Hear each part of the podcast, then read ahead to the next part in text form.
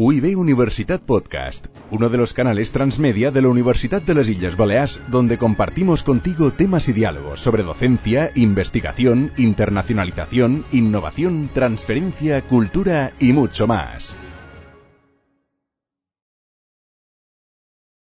Bienvenidos de nuevo a este podcast en el que abordamos cuestiones normativas y contractuales de la empresa y la actividad turística.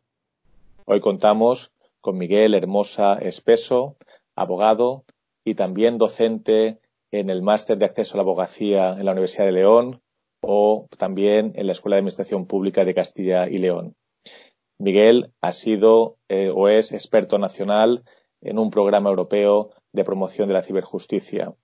Hoy con él vamos a aproximarnos a las influencias de las nuevas tecnologías y el comercio electrónico en la contratación de servicios turísticos. Miguel, buenos días. Hola, ¿qué tal? Buenos días. Muchas gracias por estar con nosotros y si te parece vamos a empezar a hablar de estas cuestiones contractuales y de uso de nuevas tecnologías para la distribución de servicios turísticos. Y la primera pregunta que te formularía es ¿dónde encontramos la regulación básica del comercio electrónico? Si nos planteamos dónde, encontramos la regulación básica dentro de nuestro Estado, nos tenemos que remontar al, al año 2002, a una ley la Ley 34 2002 de Servicios de la Sociedad de la Información y de Comercio Electrónico. Ley que también ha sido modificada con posterioridad, pero que uno de los elementos también esenciales en la regulación normativa es el Real Decreto Legislativo 1 2007 que también implementa algunas de estas características que es la Ley General para la Defensa de los Consumidores y Usuarios. ¿Cuáles serían las particularidades más relevantes de los contratos online frente a los contratos tradicionales una vez expuesto este nuevo marco normativo? Pues una de las características eh, esenciales que podemos encontrarnos, no solamente que regula el marco normativo eh, nacional, que también es eh,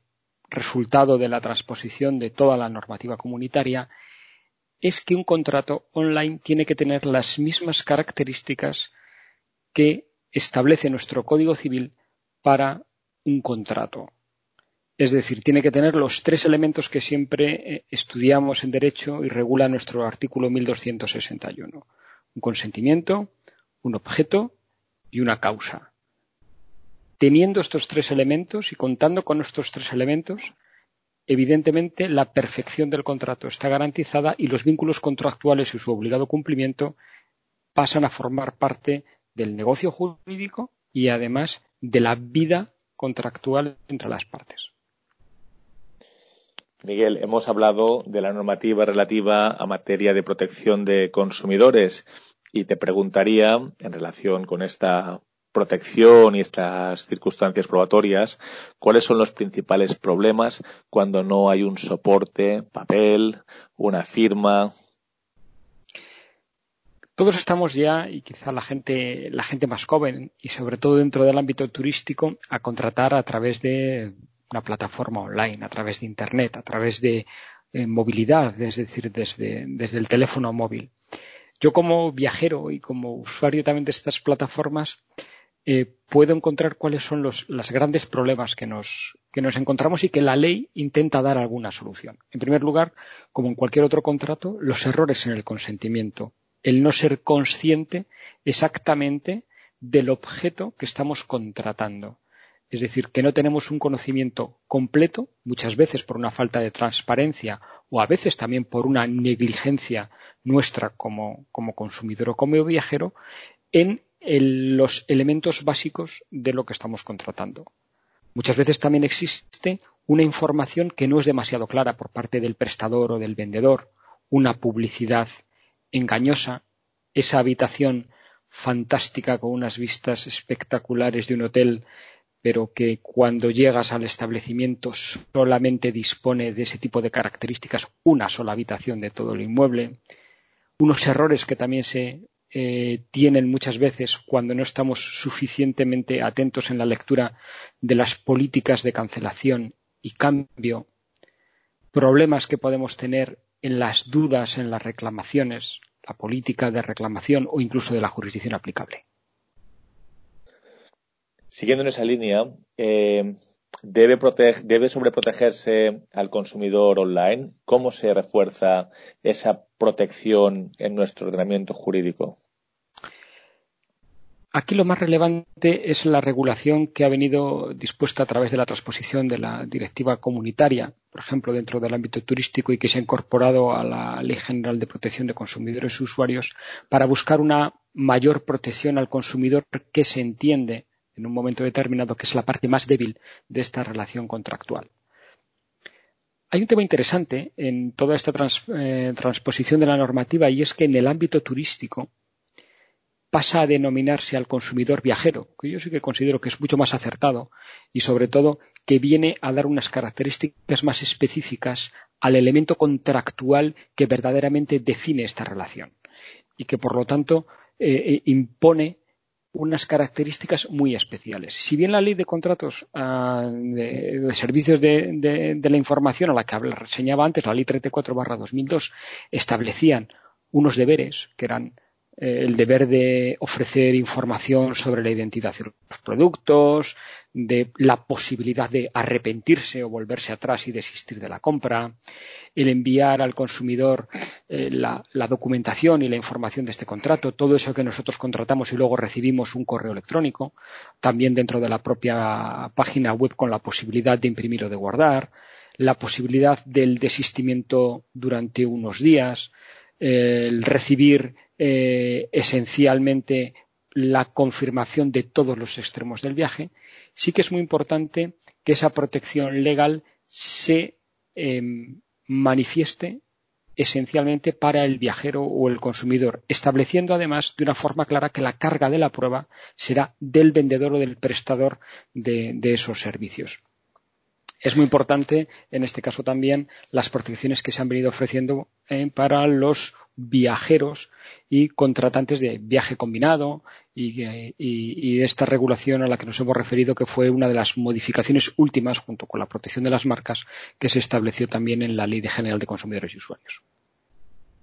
El viaje es el objeto del contrato, pero en muchas ocasiones también es un viaje contractual y yo te preguntaría qué ocurre con las cuestiones de legislación y tribunales aplicables cuando contratamos en un portal extranjero o bien con un empresario español, pero que pueda tener su sede en otro país. ¿Cómo valoras ese, ese viaje en cuanto a jurisdicción aplicable y legislación aplicable? Tanto la jurisdicción y sobre todo la, legislación aplicable, la Ley General de Consumidores y Usuarios establece ese principio de protección a la parte más débil, que en este caso es el consumidor. Es decir, se perfeccionará el contrato y el lugar de la perfección del contrato, que también lo regula la Ley 34-2002, será el lugar del domicilio del domicilio del consumidor, viajero o usuario no así cuando las partes contratantes son empresarios o profesionales, que en este caso será el domicilio el prestador de los servicios. Por lo tanto, el domicilio es aquel elemento que arrastra esencialmente la aplicación de la norma y la jurisdicción competente en caso de reclamaciones. Por lo tanto, un consumidor, un viajero, un usuario que realiza una contratación de un paquete turístico eh, que se realiza desde España y el, prestador de servicios, una mayorista alemana o, británica, la jurisdicción, en este caso en el ámbito de protección del consumidor y de sus reclamaciones, será la jurisdicción española. Por lo tanto, intentar aplicar una cláusula donde se imponga un foro extranjero es abusivo, ¿verdad, Miguel? Evidentemente es abusivo y por lo tanto se entenderá como nula y no existente dentro del contrato, sin perjuicio de que el resto de las cláusulas contractuales mantengan su validez. Vayamos a una cuestión que como juristas nos preocupa mucho, que es la naturaleza jurídica y las calificaciones. Eh, obviamente, en el sector hotelero nos movemos a base de reservas y te preguntaría cómo calificas una reserva turística online y cuándo entiendes perfeccionado el contrato en ese entorno de, reservas. La verdad es que la, doctrina ahí sí que se ha escrito y algunas de las partes mantienen que ¿Qué es la reserva? ¿La reserva es un precontrato? La reserva es simplemente, como su propio nombre indica, algo que no tiene una gran eficacia, pero que luego se perfeccionaría cuando se presta el servicio. Yo soy partidario de considerar la reserva, por ejemplo, en el ámbito hotelero, como un contrato pleno y obligacional, en el sentido de que si de la misma forma existe desde el momento en el que se presta el consentimiento y reúne esos requisitos, es decir, se presta un consentimiento claro al hacer la reserva, existe un objeto, que es la necesidad o la voluntad de aquel que reserva de obtener un servicio de alojamiento. Y además existe una causa que es no solamente eh, para el que reserva, sino para aquel que presta el servicio, prestar ese servicio a cambio de una retribución económica, entiendo que esa reserva tiene un carácter plenamente contractual y obligacional para las partes. Por ello, se establece, y ya la jurisprudencia ha establecido, el incumplimiento de esa característica de la reserva en el momento en el que, por ejemplo, un viajero se persona en el establecimiento y no se le presta el servicio que tiene ya, y así lo entiende la jurisprudencia, contratado. Muy bien. ¿Te parece acertada la regulación y la protección de los servicios de viaje vinculados que no es más que una evolución del paquete turístico dadas las nuevas circunstancias de contratación online? Esta fue una de las novedades que se introdujo en la transposición de la directiva comunitaria con una de las últimas modificaciones a las que me he referido antes de la ley de consumidores y usuarios. Si atendemos a la búsqueda de una protección al consumidor, es una regulación que viene a cubrir una laguna que existía. Evidentemente habrá que ver cómo evoluciona la interpretación doctrinal y jurisprudencial en estos casos, pero mm, me gustaría ver esta evolución, pero sí que es verdad que yo en algunas de las regulaciones y que lo establece no solamente la propia norma, sino lo dice muy claro la exposición del motivo, de, motivos del Real Decreto de 2017, yo entiendo que en muchos casos esta regulación de eh, la protección de los viajes vinculados, eh, entiendo que son elementos eh, contractuales diferentes y diferenciados del propio concepto de viaje vinculado.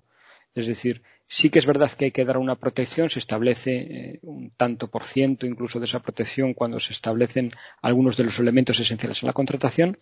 pero me parece una regulación adecuada si lo que se busca, y, parece que es lo que se ha buscado, es una protección al viajero o al usuario, pero no debemos mezclar todas las relaciones contractuales que muchas veces nada tienen que ver con un, entre comillas, paquete eh, eh, vinculado de servicios turísticos que tienen una relación análoga. Miguel, permíteme una última pregunta muy puntual. Puede ser que este podcast se, escuche dentro de un par de años, pero actualmente hace referencia al COVID y tengo que formularte cómo ves esta situación de COVID y de todos estos viajeros que en este momento tienen eh, prestaciones turísticas eh, colgando que no se han realizado, que no se van a realizar. ¿Cómo valorarías un poco este escenario de futuras reclamaciones, reembolsos, eh, relaciones que en este momento están completamente en el aire? La verdad es que es hacer una predicción a, a muy medio, medio plazo. Y yo lo os puedo comentar pues como, como, como, abogado, pero también como usuario, porque yo eh, en, mi, en mi trabajo pues viajo mucho y he tenido que cancelar un montón de reservas hoteleras y varios, varios viajes que tenía programados. La regulación comunitaria era clara en cuanto a la devolución de las cantidades abonadas, por ejemplo, en el pago de un paquete eh, turístico de un viaje combinado. Evidentemente eso podía generar, y como se dio cuenta rápidamente el Estado, unas grandes tensiones de tesorería en las agencias minoristas. Y lo que se regula es a partir del Real Decreto 11 barra 2020 se establece la posibilidad, en este caso, de la entrega de un bono y el cumplimiento, el disfrute de ese bono en el plazo de un año y que luego se pueda exigir el reembolso. El problema es la cadena de contratación. Es decir, muchas veces todos conocemos que la agencia minorista es la que tiene unas responsabilidades, pero que se realizan diferentes elementos de subcontrataciones y contrataciones paralelas. Es una cadena. En un momento determinado también regula la normativa que si se procede a la devolución, aunque sea parcial, de una de las partes de ese contrato combinado, imaginémonos la compañía aérea, esa cantidad se habrá de devolver al usuario. El problema que va a existir en un futuro es el problema de la garantía propiamente dicha de esas cantidades que se han venido abonando no solamente en los paquetes de viajes combinados, que pueden ser los más problemáticos, porque como todos sabemos, muchas agencias minoristas evidentemente utilizan un sistema de caja única y lo que hace es cuando se recibe una provisión, una cantidad de dinero para el pago de ese viaje, se va aplicando dentro del negocio a las necesidades de tesorería.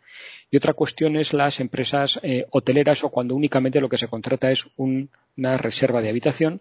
o un eh, vuelo. En este caso, eh, las empresas lo que están procediendo, y a mí lo que sí que me ha pasado en una negociación ya directa, lo que sí que se está procediendo es a la devolución de las cantidades. Incluso he de decir que algunas empresas hoteleras, aquellas reservas que yo he tenido y que tienen unas características de no reembolsables, han procedido a realizar el abono del reembolso, también buscando muchas de las empresas el prestigio